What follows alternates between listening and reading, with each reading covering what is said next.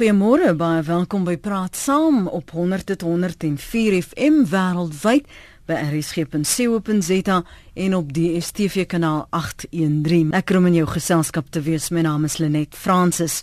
Die debat oor die regte van 'n ongebore baba en ouers se reg om 'n baba te begrawe indien daar 'n miskraam of 'n stilgeboorte is, is weer in die kollig. Dit bly 'n moeilike gesprek en vanoggend wil ons iets wat die sluier lig en vra met die oog op Menseregte Dag môre of ongebore babas as mens gesien moet word. Tans beskryf wetgewing die fetus as menslike afval. Ons gaste vanoggend is Sonja Smit, sy's stigtingsdirekteur van die nuuswinsgewende maatskappy The Voice of the Unborn Baby. Môre Sonja, welkom. Goeiemôre. Môre lê net lekker om weer met jou te gesels. Baie welkom, dankie. En professor Anton van Niekerk is by die departement filosofie. Hy is ook direkteur by die sentrum vir toegepaste etiek by die Universiteit van Stellenbosch. Goeiemôre professor, dankie vir jou tyd. Môre lê net, nee, dis 'n plesier. Dit is 'n moeilike gesprek en ek verstaan dat eh, mense baie emosioneel raak wanneer hulle hieroor gesels. So ons skep geleentheid dat ons net bietjie die omstandighede en die uitdagings van wetgewing en ook ouers ehm um, verstaan binne hierdie gesprek en jy's welkom om vanmôre ook anoniem te bly as jy wil saam saamgesels. Sonja, waarom 'n uh, 'n uh, maatskappy stig met die naam Voice of the Unborn Baby? Wat probeer julle bereik? Nou net eerstens wil ek net sê dat in die huidige regstelsel het 'n ongebore baba of 'n fetus dan geen regte nie. So die doel van ons grondwetlike uitdaging is ook nie om regte aan 'n fetus te wil verleen nie. Ons betwyfel ook nie die lewensvatbaarheidsteorie nie. Alwaarvoor ons veg is dat ouers wanneer hulle dan hierdie tragiese verlies van 'n miskraam beleef voor 26 weke dat hulle wel die keuse gegee word oor wat met hierdie lyfie gaan gebeur sodat dit nie outomaties as as mediese afval geklassifiseer en hanteer word nie. Ons voel daar is 'n verskil tussen hoe dit er, hoe dit in die in die uh, samelewing hanteer word wanneer jy hierdie verlies na 26 weke van gestasie ervaar teenoor voor 26 weke en ons voel almal behoort gelyk behandel te word en dieselfde gees dieselfde keuse gegee te word. Hm, goed. Verduidelik miskien vir ons professor van die kerk en die wetgewing waarna uh, Sonja verwys wat die implikasies is van hierdie lewensvatbaarheidsteorie en en wat dit impliseer vir ouers byvoorbeeld.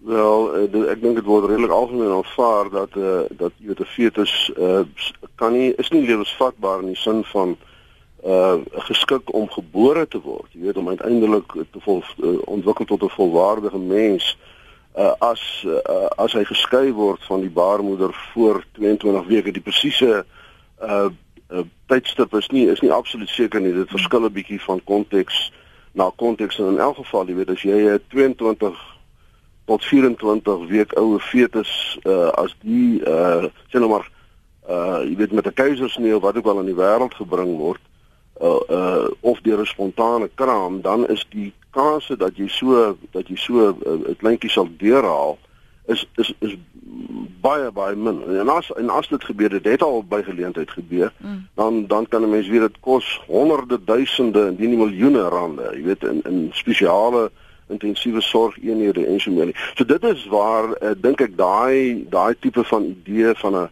afsnypunt ek ek hoor nou julle het gesê 26 weke uh en so meer vandaan kom. Ek moet laat laat ek dadelik sê, ek bedoel ons ons sou seker later kon 'n bietjie praat oor oor oor die oor die die uh denke wat ingaan agter die hele idee van regte van fetusse want ek stem saam uh met die ander deelnemer uh in die Suid-Afrikaanse reg het 'n fetus nie enige regte nie.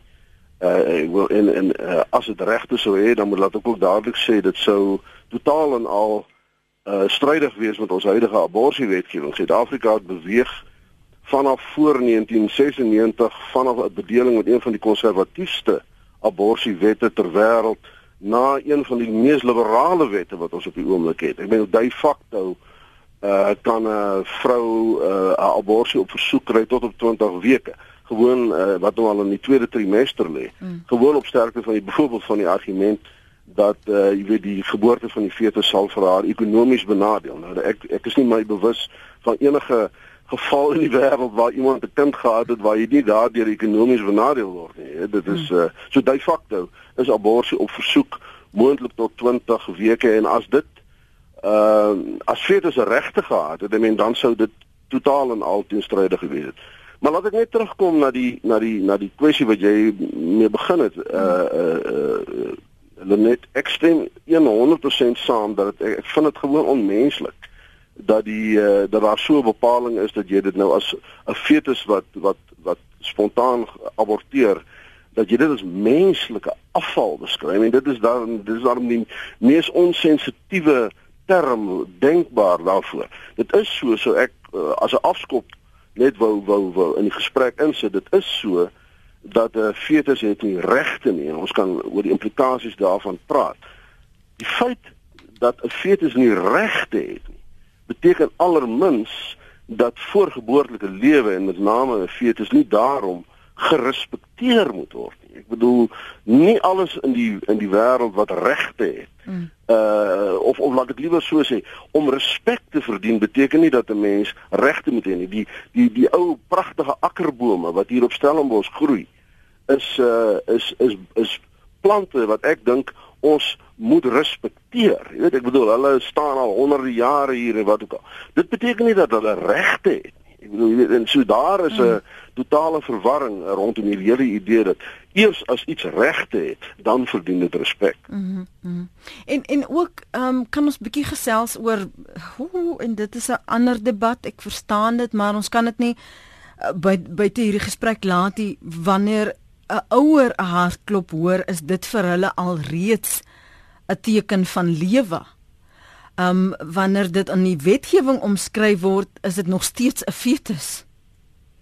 So wanneer begin lewe?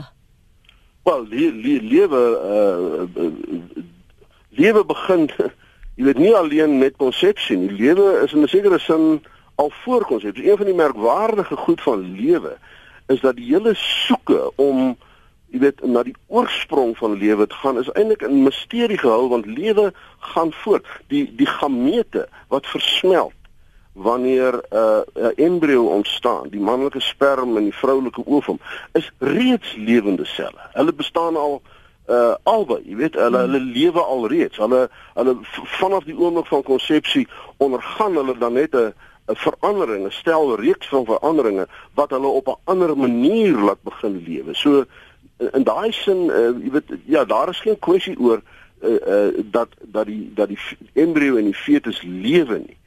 Ehm um, die morele vraag sou ek net wou argumenteer gaan dis nie in die eerste plek daarom oor of 'n mens 'n uh, lewe voorgeboortelik ook mag beëindig nie. Die vraag is eerder of ons te maak het met 'n menslike persoon. Ek dink die menslike persoon is die sentrale morele kategorie waarmee ons hier handel. En uh, in die regspraak en ek wil dit nie probeer verdedig mm -hmm. ten alle koste nie, maar in die Suid-Afrikaanse en in die meeste jurisdiksies oor die wêreld heen uh, is die afspraak wat gemaak is dat ons het eers met 'n volwaardige menslike persoon te maak vanaf die oomblik van geboorte. In ander woorde, wanneer daai simboliese, nie net simboliese nie, ook biologies belangrike naaldstring geknip word en die pasgebore baba afsonderlik van die moeder se liggaam, jy weet, kan begin funksioneer. Dan het jy te maak met 'n uh met 'n met 'n volwaardige persoon wat wat uh jy weet ook aanspraak maak op al die op al die regte. Daar is uh, interessante uitsonderings in die Suid-Afrikaanse regspleging wat veral saam met die sogenaamde Naskiturus fiksie, ons sou miskien 'n bietjie later daaroor kon praat. Ek wil dit nou nie vooruitloop nie, mm -hmm. maar wat wat ook daarop dui dat daar is ook uh, jy weet grys areas van situasies waarin uh die ongebore baba wel uh, as 'n persoon met regte of dan ten minste belange beskou moet word wat wel beskerm kan word. Ehm um, goeiemôre. Ek het 'n vriendin wie se baba dood is voor die geboorte. Die baba is verwyder en toe sy bykom na narkose was die baba as mediese afval verbrand. Sy kon nooit weer kinders hê nie. Sy sê daar is geen graf waar sy haar rou en haar smart kan uitleef nie. geen graf om op blomme te gaan sit nie. Sy wens so daar was ten minste 'n grafie. Ek weet nie hoeveel weke sy was nie, maar sy was al ver swanger. Um ons het ons seun op 21 jarige ouderdom verloor en ons is so dankbaar vir 'n graf waar ek kan gaan blomme sit selfs na byna 15 jaar. Uh moenie my naam gebruik nie. Gebruik net anoniem. Dankie en ek sien jou naam. Dankie vir daardie SMS van jou. Dit hierdie verwysing van anoniem se vriendin is nie vir jou 'n ongewone verhaal nie Sonja. Jy jy's vertroud met sulke verhale van ma's en ouers wat sê maar hoe kan ons kind mediese afval wees? Net wanneer ek hierdie tipe gesprekke het, dan kry ek oproepe van mamas wat sê, "Waar was jy 20 jaar gelede?" Dit voel soos gister. En ek wil net aansluit by wat die professor gesê het. En in die, in terme van die Suid-Afrikaanse reg is daar geen wet wat bepaal wanneer begin lewe nie. So ons val terug op die ou Romeins-Hollandse reg en die strafprosesweg strafprosesreg wat bepaal een asemteug maak van 'n fetus 'n baba. En dit is so belangrik as ons kyk na die hantering in terme van voor 26 weke verlies en na 26 weke verlies. Want wanneer jy 'n baba of 'n fetus dan verloor na 26 weke, het jy die keuse en die reg en die plig om hierdie baba dan te begrawe of te veras en op 'n waardige wyse van afskeid te neem. Maar wanneer dit voor 26 weke gebeur, het jy nie die reg nie, ook nie die keuse nie, ook nie die plig nie. En dit is hierdie geweldige grys area in die wet wat ek probeer aanspreek, want jy is absoluut uitgelewer aan die medisy wat voor jou staan. Die dokters, as jy 5 dokters vra, gaan jy 5 verskillende antwoorde kry oor hoe hulle lewensvatbaarheid interpreteer in terme van die Wêreldgesondheidsorganisasie se riglyne. So een dokter gaan vir jou sê Ek werk op gewig. 500 gram na my myns insiens is lewensvatbaar. Die volgende dokter gaan sê ek werk op 800 gram. 'n Ander dokter gaan sê ek doen wat die ouers van my vra. As hulle hierdie kleintjie wil begrawe, dan teken ek die nodige dokumentasie. Wat? Teen die wet is, hulle mag dit nie teken nie. En 'n ander dokter gaan net sê die wet sê 26 weke is die afsnypunt. Ek teken niks, dis mediese afval. So dit is werklik hierdie grys area vir al tussen 20 en 26 weke wat ek probeer regstel. En ek voel dit is werklik ou argaïese wetgewing wat net nooit in lyn gebring is met die grondwet in 1996 nie. En niemand het ooit die moeite gedoen om dit aan te spreek nie. Dit is asof dit onder die mat ingevee is vir al die jare. Hmm. Catherine is in Pretoria. Sy wil saampraat. Môre Catherine. Uh môre Lenet, hoe gaan dit met jou? Beter, dankie. En jy? Nee, goed, dankie. Ek is 'n bejaarde van 71 jaar oud. Ek wil net vir julle sê ek het 'n 'n fliek gekyk by 'n kerk. Ons was uitgenooi oor hierdie abortus storie. Dit was jare terug, The Right to be Born.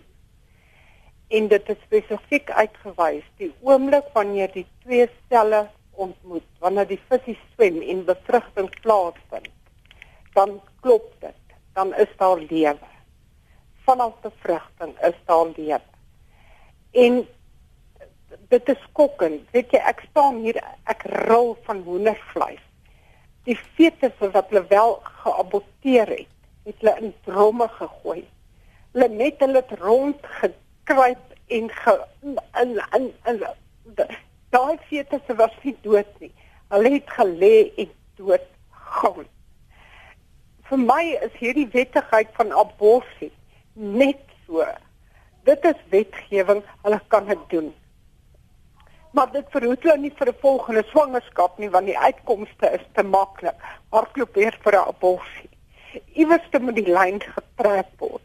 Ek is diep diep ontroer deur daai fliek wat ek gesien het die film wat voort gewys het en wat ek hoor oor die radio dat jy as 'n ouer of toekomstige moeder nie enige sê kan hê oor het sy 26 weke of het sy verder nie en die kind word stil gebore nie in baie oogpunt gesien as 'n ou vrou is dit lewe.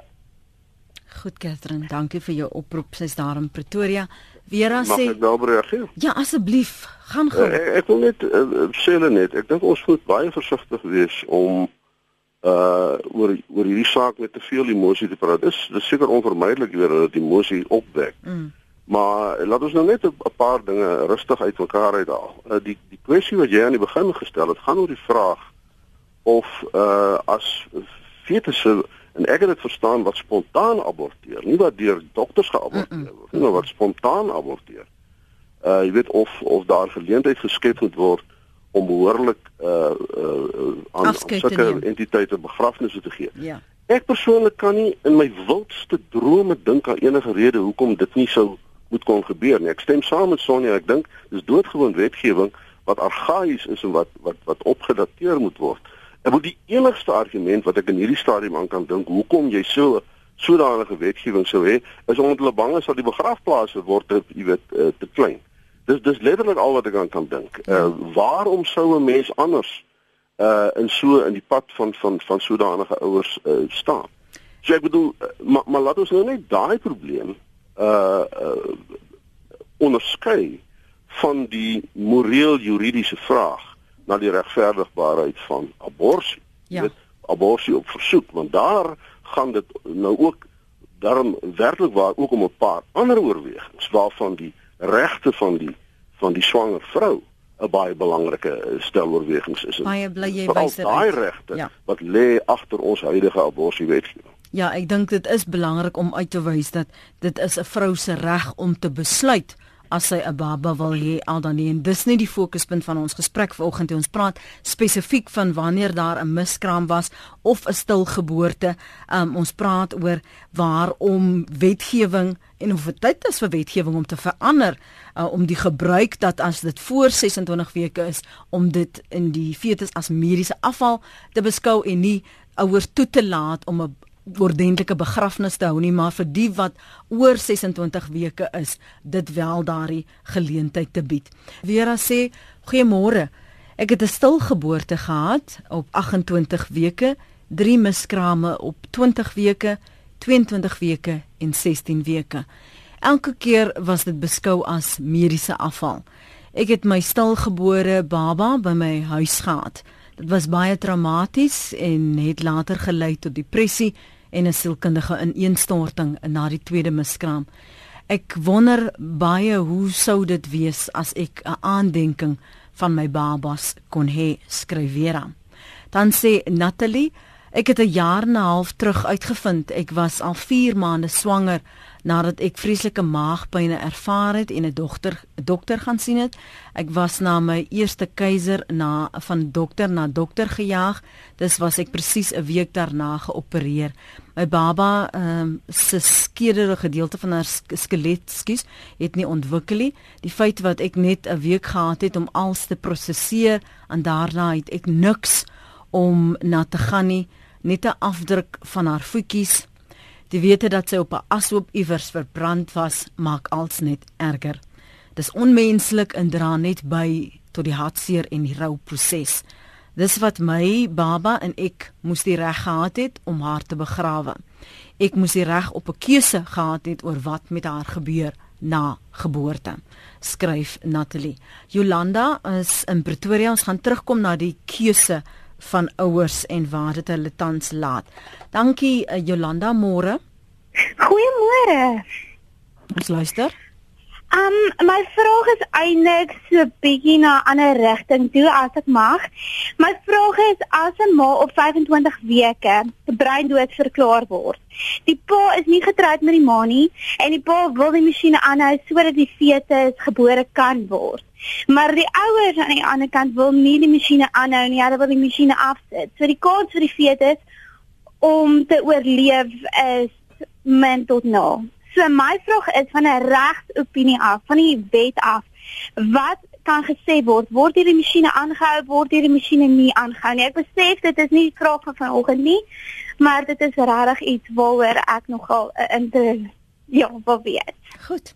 Kom kom kom ons doen dit op 'n ander manier en ons praat en kyk na die oorwegings in so geval in terme van regte. Jy's nou nie 'n regskennerie, maar jy's by die sentrum vir toegepaste etiek, so jy het wel insa na aanleiding van die navorsing wat jy al gedoen het professor van die kerk. Ja, as ons net net vir ons verder van sê tog asseblief my Anton, ons tog nou maar die titels. Ja, Anton, ek, ek is heel gemaklik daarmee. Uh dit is 'n interessante uh, probleem wat die wat die luisteraar opper. Daar was 'n baie interessante geval in die FSA 'n uh, hele aantal jare gelede waar uh, waar dit 'n uh, nou nie uh, presies soos wat hierdie geval nie, maar maar waar dit 'n geval is van 'n vrou wat wat uh, redelik hier rondom 26 weke swanger was. Uh gelei het aan terminale kanker wat nie daar was toe sy swanger geword het nie, sy het dit van tevore gehad. Uh maar sy was in remissie toe sy swanger word en toe ervat dit tydens die swangerskap en en, en stewe skielik terminaal en so meer. En toe is daar ook 'n 'n 'n groot dispuut.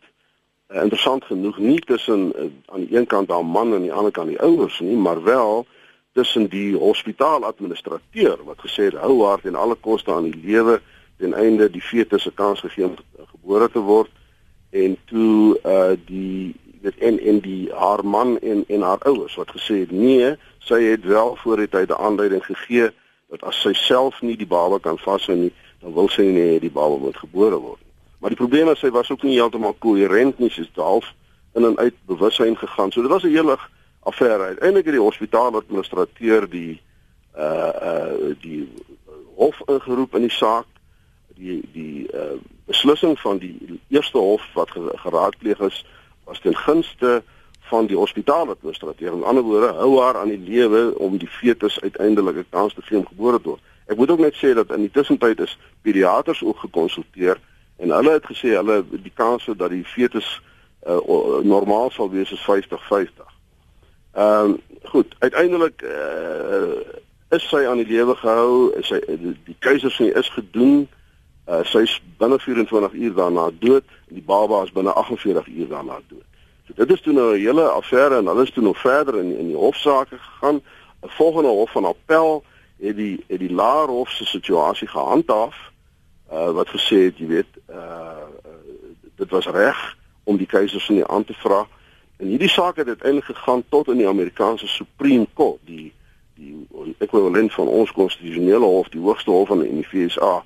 En daai hof het uh uh 'n beslissing gemaak ten gunste van die familie gesê die, die hospitaal het gefouteer om die keisersnee uh, te doen en die kind in die uh, in die lewe te bring. Hulle moes die wense van die familie wat namens die pasiënt in daai situasie kon praat, moes hulle gerespekteer het. Selfs al het dit beteken dat die ehm um, dat die fetus in die proses in die slag sou bly.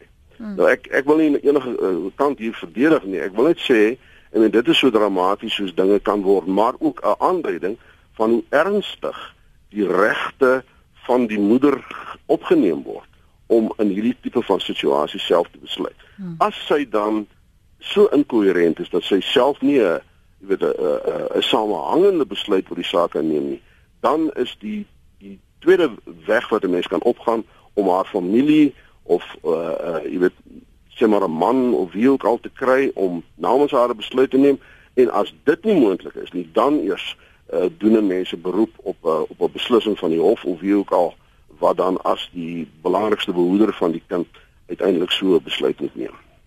Sonne julle julle ook onlangs nou tot die hof gewend. Verduidelik vir ons luisteraars waaroor dit gaan asseblief. Ja, net ek wil net ook aansluit by wat professor gesê het. Ehm um, die die Anton. wat ek by die hofstukke ook aanspreek Anton Wat ek ook aanspreek in die hofstukke is die feit dat enige mediese terminasie, met ander woorde 'n geval waar daar vir die moeder se lewe of vir die fetus se lewe die besluit geneem moet word om te termineer na 26 weke, dat hierdie gevalle ook as mediese afval hanteer moet word in terme van die reg. Al is dit na die lewensvatbaarheid afsny ouderdom, het is, is dit glad nie in die wet gedek nie. Met ander woorde, dit word as mediese afval geklassifiseer.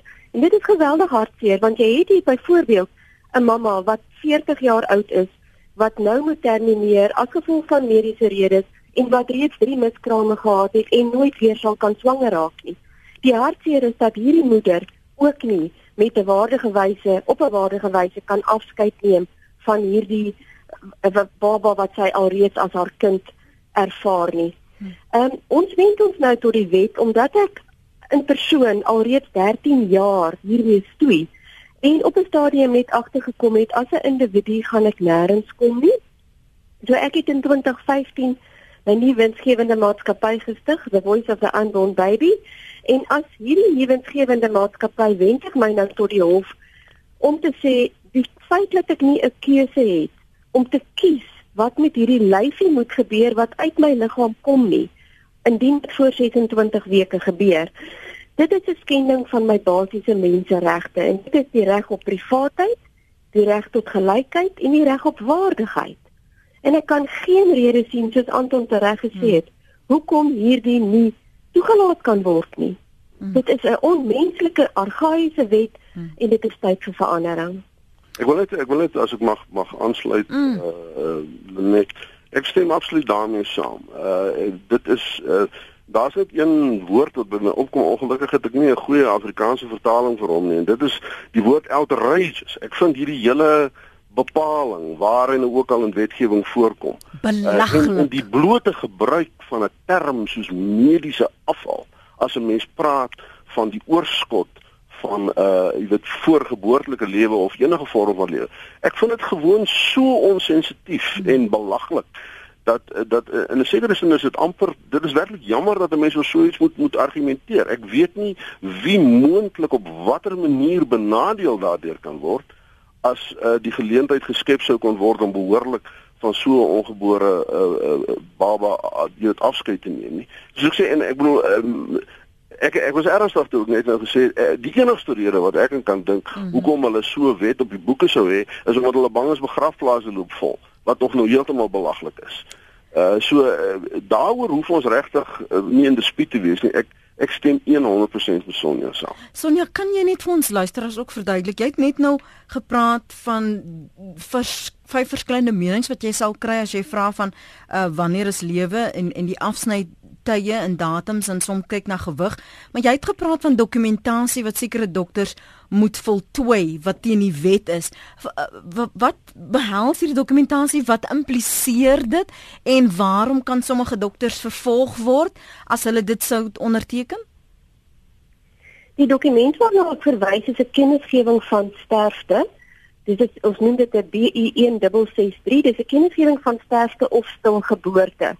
Nou die implikasie hiervan is dat jy hierdie dokument nodig het om wat ons noem 'n begrafnisorder te, te mag uitreik en dit is die toestemming om te mag begrawe of veras. So daar is allerlei implikasies as ons kyk na versekerings byvoorbeeld. So ons gaan glad nie die 26 weke aanspreek nie. Die Wêreldorganisasie Wêreldgesondheidsorganisasie se riglyne bepaal dat 'n fetus lewensvatbaar is tussen 22 en 28 weke van gestasie. Nou daardie definisie hang af van die ontwikkeling van 'n land.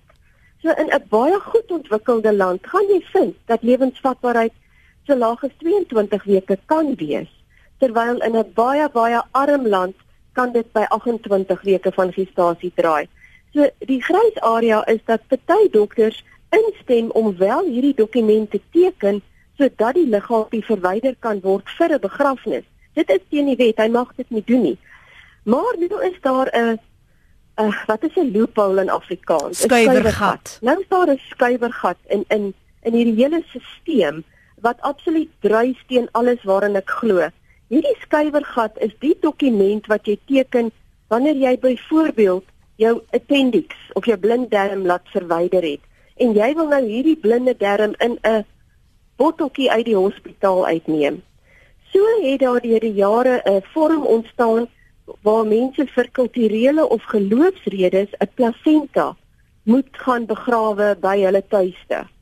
Nou, so met die tyd het die plasenta ook sommer die fetus geword. So die plasenta geheg aan die fetus word nou uit hospitale uitgesmokkel as ek dit so mag stel op sterkte van 'n affidavit wat by die polisie afgelê word wat sê ek neem die plasenta of enige ander stuk mediese weefsel wat uit my liggaam gesny is en ek sal daarmee deel in terme van die Waste Act. En dit is so belaglik en dit is hoekom ek so sterk voel oor die waardigheid. Want dit is nie 'n stuk menslike weefsel nie. Dit is dit is iemand vir wie ek lief was, wie se hartklopie ek gehoor het, wat ek voel groei het binne in my en hier word dit as 'n stuk menslike weefsel uitgeteken. Dit is net onmenslik. Uh, mag ek as ek net vinnig daarop mag inkom, laat ek net sê, ehm um, dit as dit nou begin gaan oor ander liggaamsdele. Dit is nou interessant dat dat Sonja vir ons daar wys dat daar ook aspekte rondom ander liggaamsdele. Dit is natuurlik so. Uh dat 'n mens dit 'n mens kan nie uh, sê net maar jou arm word afgesit. Na my beste wete het jy nie die reg om daai uh, uh, geamputeerde deel van jou lyf in jou voortuin te gaan begrawe. Daar is definitief reëls wat samehang met die moontlikheid van misdadigheid, jy weet en wat wat, wat daarmee samehang wat wat wat hier ter sake is. Dit is baie baie interessant. Dis nou meer as jy my sal dit verdra, effens akademiese punt. Maar dit is baie baie interessant die hele kwessie van eiendomsreg van biologiese materiaal. Jy weet, mense sou aan die een kant dink uh niks is meer van selfsprekend dat ek my eie biologiese materiaal besit uh, uh en so meer. Maar in die in die huidige debatte in die bioetiek veral waar dit gaan oor genetiese materiaal wat in biobanke versamel word en so is dit 'n groot kwessie aan wie behoort daai daai biologiese materiaal uh uiteindelik. En die en die hele vraag van om te sê dis myne want dis my liggaam, is ook nie so heeltemal eenvoudig nie, want uh daar is hierdie uh, oorwegings rondom kriminaliteit en navorsing en dit dat en die ander. As dit nou gesê is, dan wil ek dan wil ek egter herbevestig dat ek dink 'n mens behoort dit te onderskei en as dit die motivering sou wees in wetgewing, dan moet jy dit juis onderskei van die veel meer emosioneel gelade issue van uh, wat word van 'n van 'n van 'n geaborteerde of dit nou spontaan of andersins is van 'n geaborteerde fetus. Hmm. Daar uh, kan daar tog geen kwessie oor wees uh jy weet dat die dokter dit behoorlik moet kan sertifiseer as behorende of deel van want in daai stadium was dit nog deel van die liggaam van die swanger vrou en dat sy dan 'n sekere beskikkingsreg uh, daaroor het in ooreenstemming met die aanvaarde norme en regulasies van die samelewing. Ek sou ook nogal wonder om so 'n fetus sommer weer hier in jou voortuin te begrawe. Maar jy weet as jy dit as jy dit behoorlik begrawe in 'n in 'n geallokeerde ruimte soos 'n begrafplaas of wat ook al en dit op 'n waardige manier doen, dan kan ek eenvoudig nie sien wat die probleem daarmee kan wees nie. Net om aan te sluit by daardie verwysing oor die dokumentasie wat jy benodig dan nou, uh, skryf die vol die luisteraar as voetvrou wat 35 jaar in 'n kraamsaal gewerk het, kan ek bevestig dat 'n persoon geregtig is op die produk te van swangerskap en kan dan aansoek doen binne wetlike raamwerk op menslike weefsel. Daar was in die ou bedeling riglyne om dit te hanteer. Veral moeders van die Hindoe geloof wat aansoek doen vir die fetus en die plasenta. As 'n reël het die instansies die moeder se toestemming skriftelik verkry ook vir die vernietiging van die nageboorte. Alle weefsel volgens die wet op menslike weefsel behoort aan jou en moet so hanteer word. Dit geld vir jou tande, bene, mangels, nierstene en dis meer. Die wet op menslike weefsel moet toe gepak word. Uh, sê toegepak word. Ek weet seker maar toegelaat word neem ek aan skryf die luisteraar. So dis die verwysing daar. Kom ons gaan na die lyne toe. Twee luisteraars wat nou al geduldig wag om saam te praat anoniem in Pretoria môre. Hallo. Dis 'n interessante storie. Ek het 'n seentjie wat op 25 weke gebore is en hy het 5 dagies gelewe. Toe is hy oorlede en nog steeds wou hulle hom nie vir my gee nie want uh, volgens hulle en hulle redenasie was dit was 'n orgaan wat buite my liggaam gelewe het. Nou ek hoe dit moontlik is sal ek regtig nie vir jou kan sê nie maar hy is nie gesien as 'n individu of as 'n mens nie. Al het hy die 5 dae geleef. Al het hy die 5 dae gelewe. Hulle wou hom nie vir my gee nie hy was nog steeds mediese afval want hy is nie gesien as 'n individu nie Hy's nie langer as of hy was nie langer as 26 weke in my nie. Hy word nog steeds gesien as 'n fetus. Hy's gebore. Hy het 5 dae gelewe. Hy het beklei om lewe en nog steeds was hy nie gesien as 'n individu nie. En wat van dit gewoon skok. Ja, dis ja 'n woord. Ja, absoluut. Mag net ja, as ek net uh, van die kant af een ander oorweging net ook kan ingooi.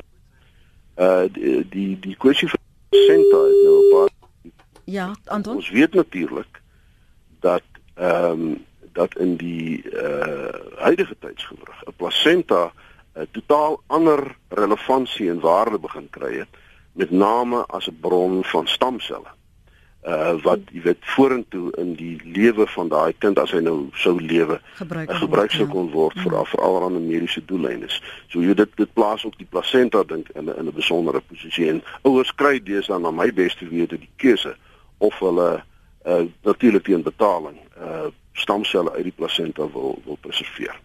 Christopher in Johannesburg. Goeiemôre Christopher. Ja, goeiemôre. Ja, uh, ek ons het ons ehm um, uh, tweeling dogtertjie Singie verloor. Hulle was op 25 weke en 6 dae gebore. Ehm um, ja, Lutz het uh, net hier gelewe en hulle het hom as ehm um, uh, medical waste ehm um, verwyder. Ehm um, sonder om ons uh vra te uh, of om uh, toestemming te gee. En ons dogtertjie Anja het 7 dae gelewe en sy's 12 hierdie aand oorlede en 4 hierdie daai oggend het die hospitaal ons gebel om vir ons te sê hulle moet haar uh ook verwyder. Ehm um, ons is gelukkig genoeg dat ons betyds nogal in die hande kon kry ehm um, voordat hulle uh, maar as ehm um, mediese afval ehm um, verwyder het. Maar vir ons sinkie het ons nie die kans gehad nie. Christopher, wat wat wat verwag hierdie wat verwag hierdie mediese personeel? Moet jy jou kind kom haal? Verwyder hulle haar?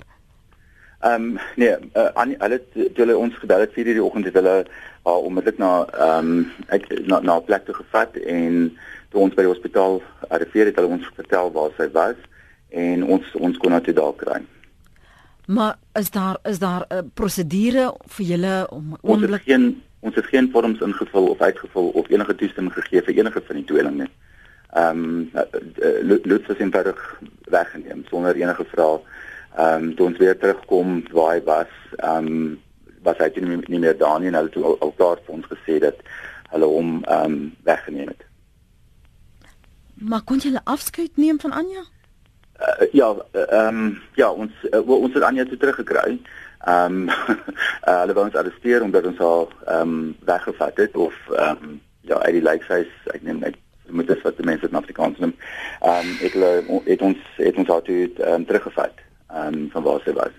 En ons kon na toe ehm um, vir as en toe ons die begrafnis toe nou wou doen vir die uh, vir Anja ehm um, vir Anja en en 'n simboliese een vir haar boetie.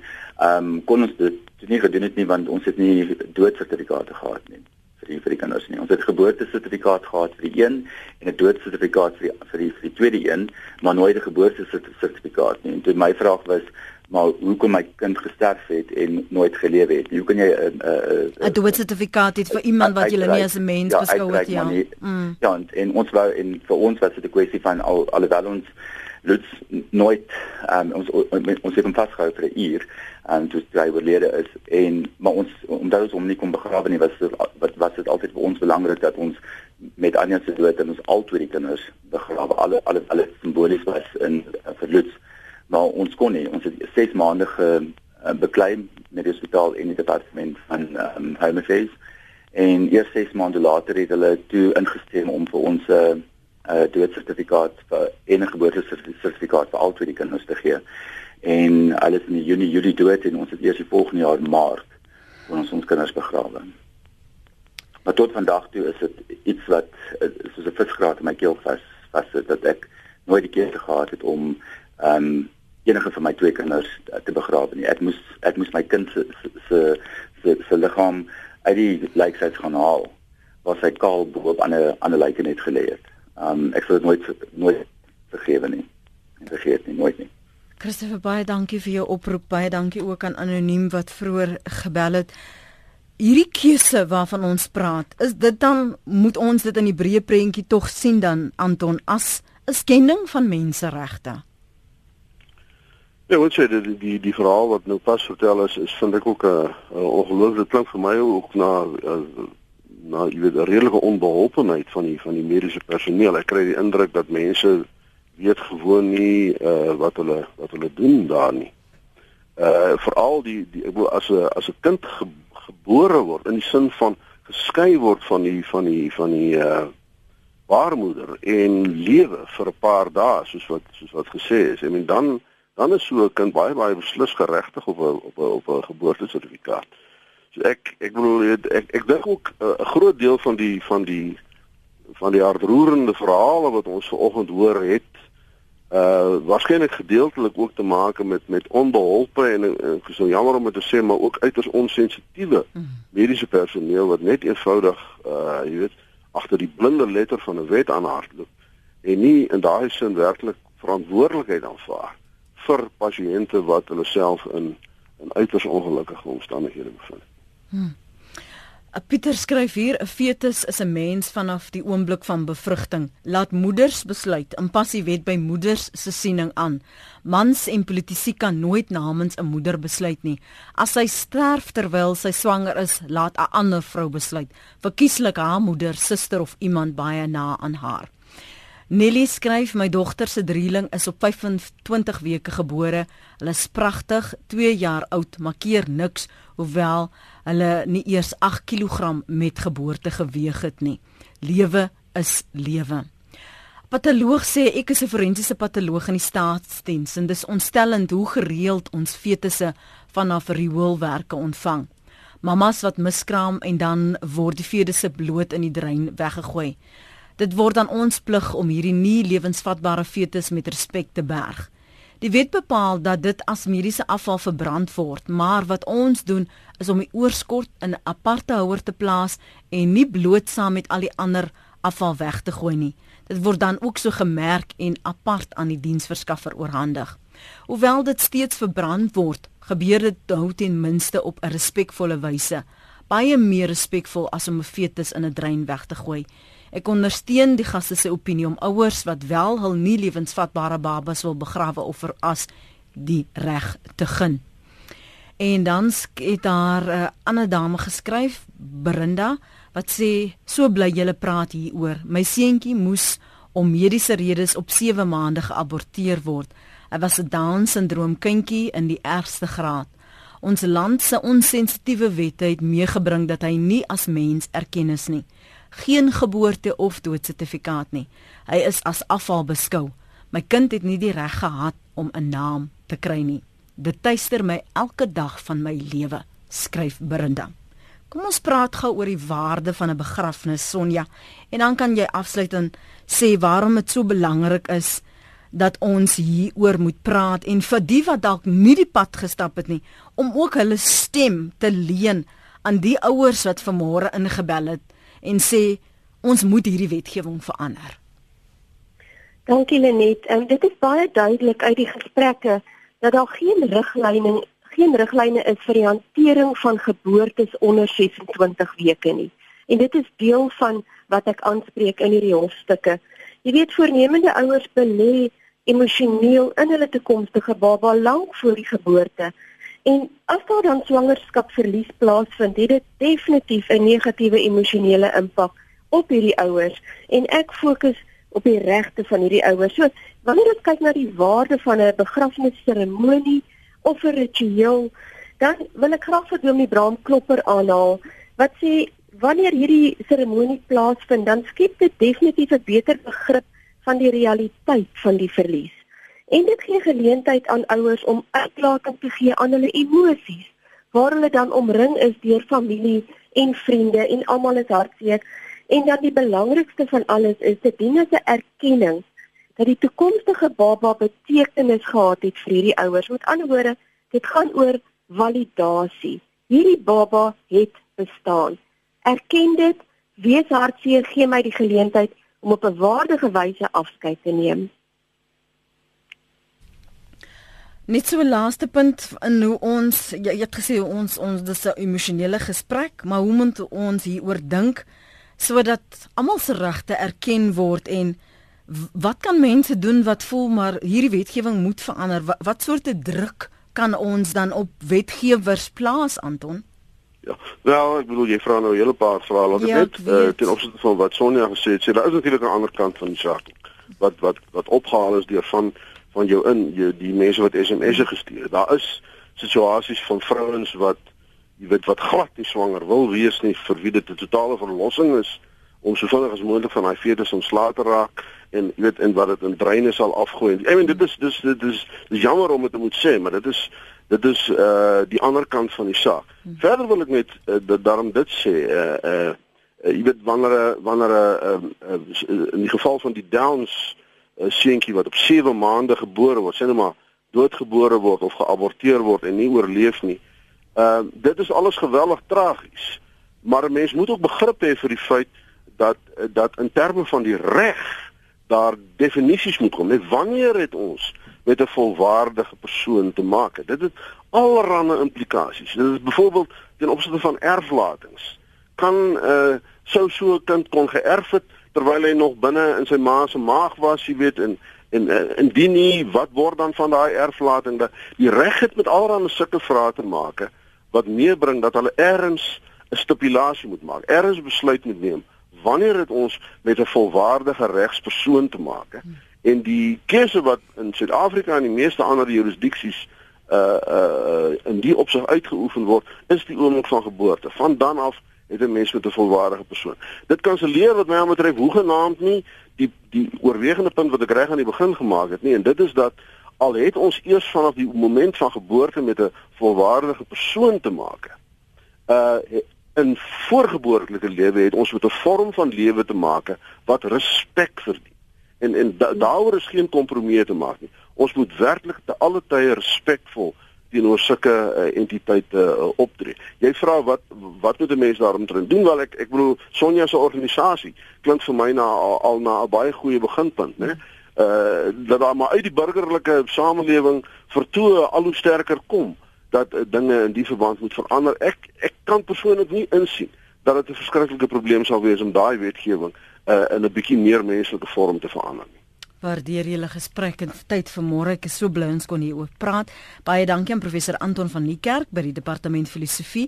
Hy is ook direkteur van die sentrum vir toegepaste etiek by die Universiteit van Stellenbosch en dankie ook aan jou Sonja Smit, stigtingsdirekteur van die nuwe winsgewende maatskappy The Voice of the Unborn Baby. Dankie vir julle tyd vanmôre.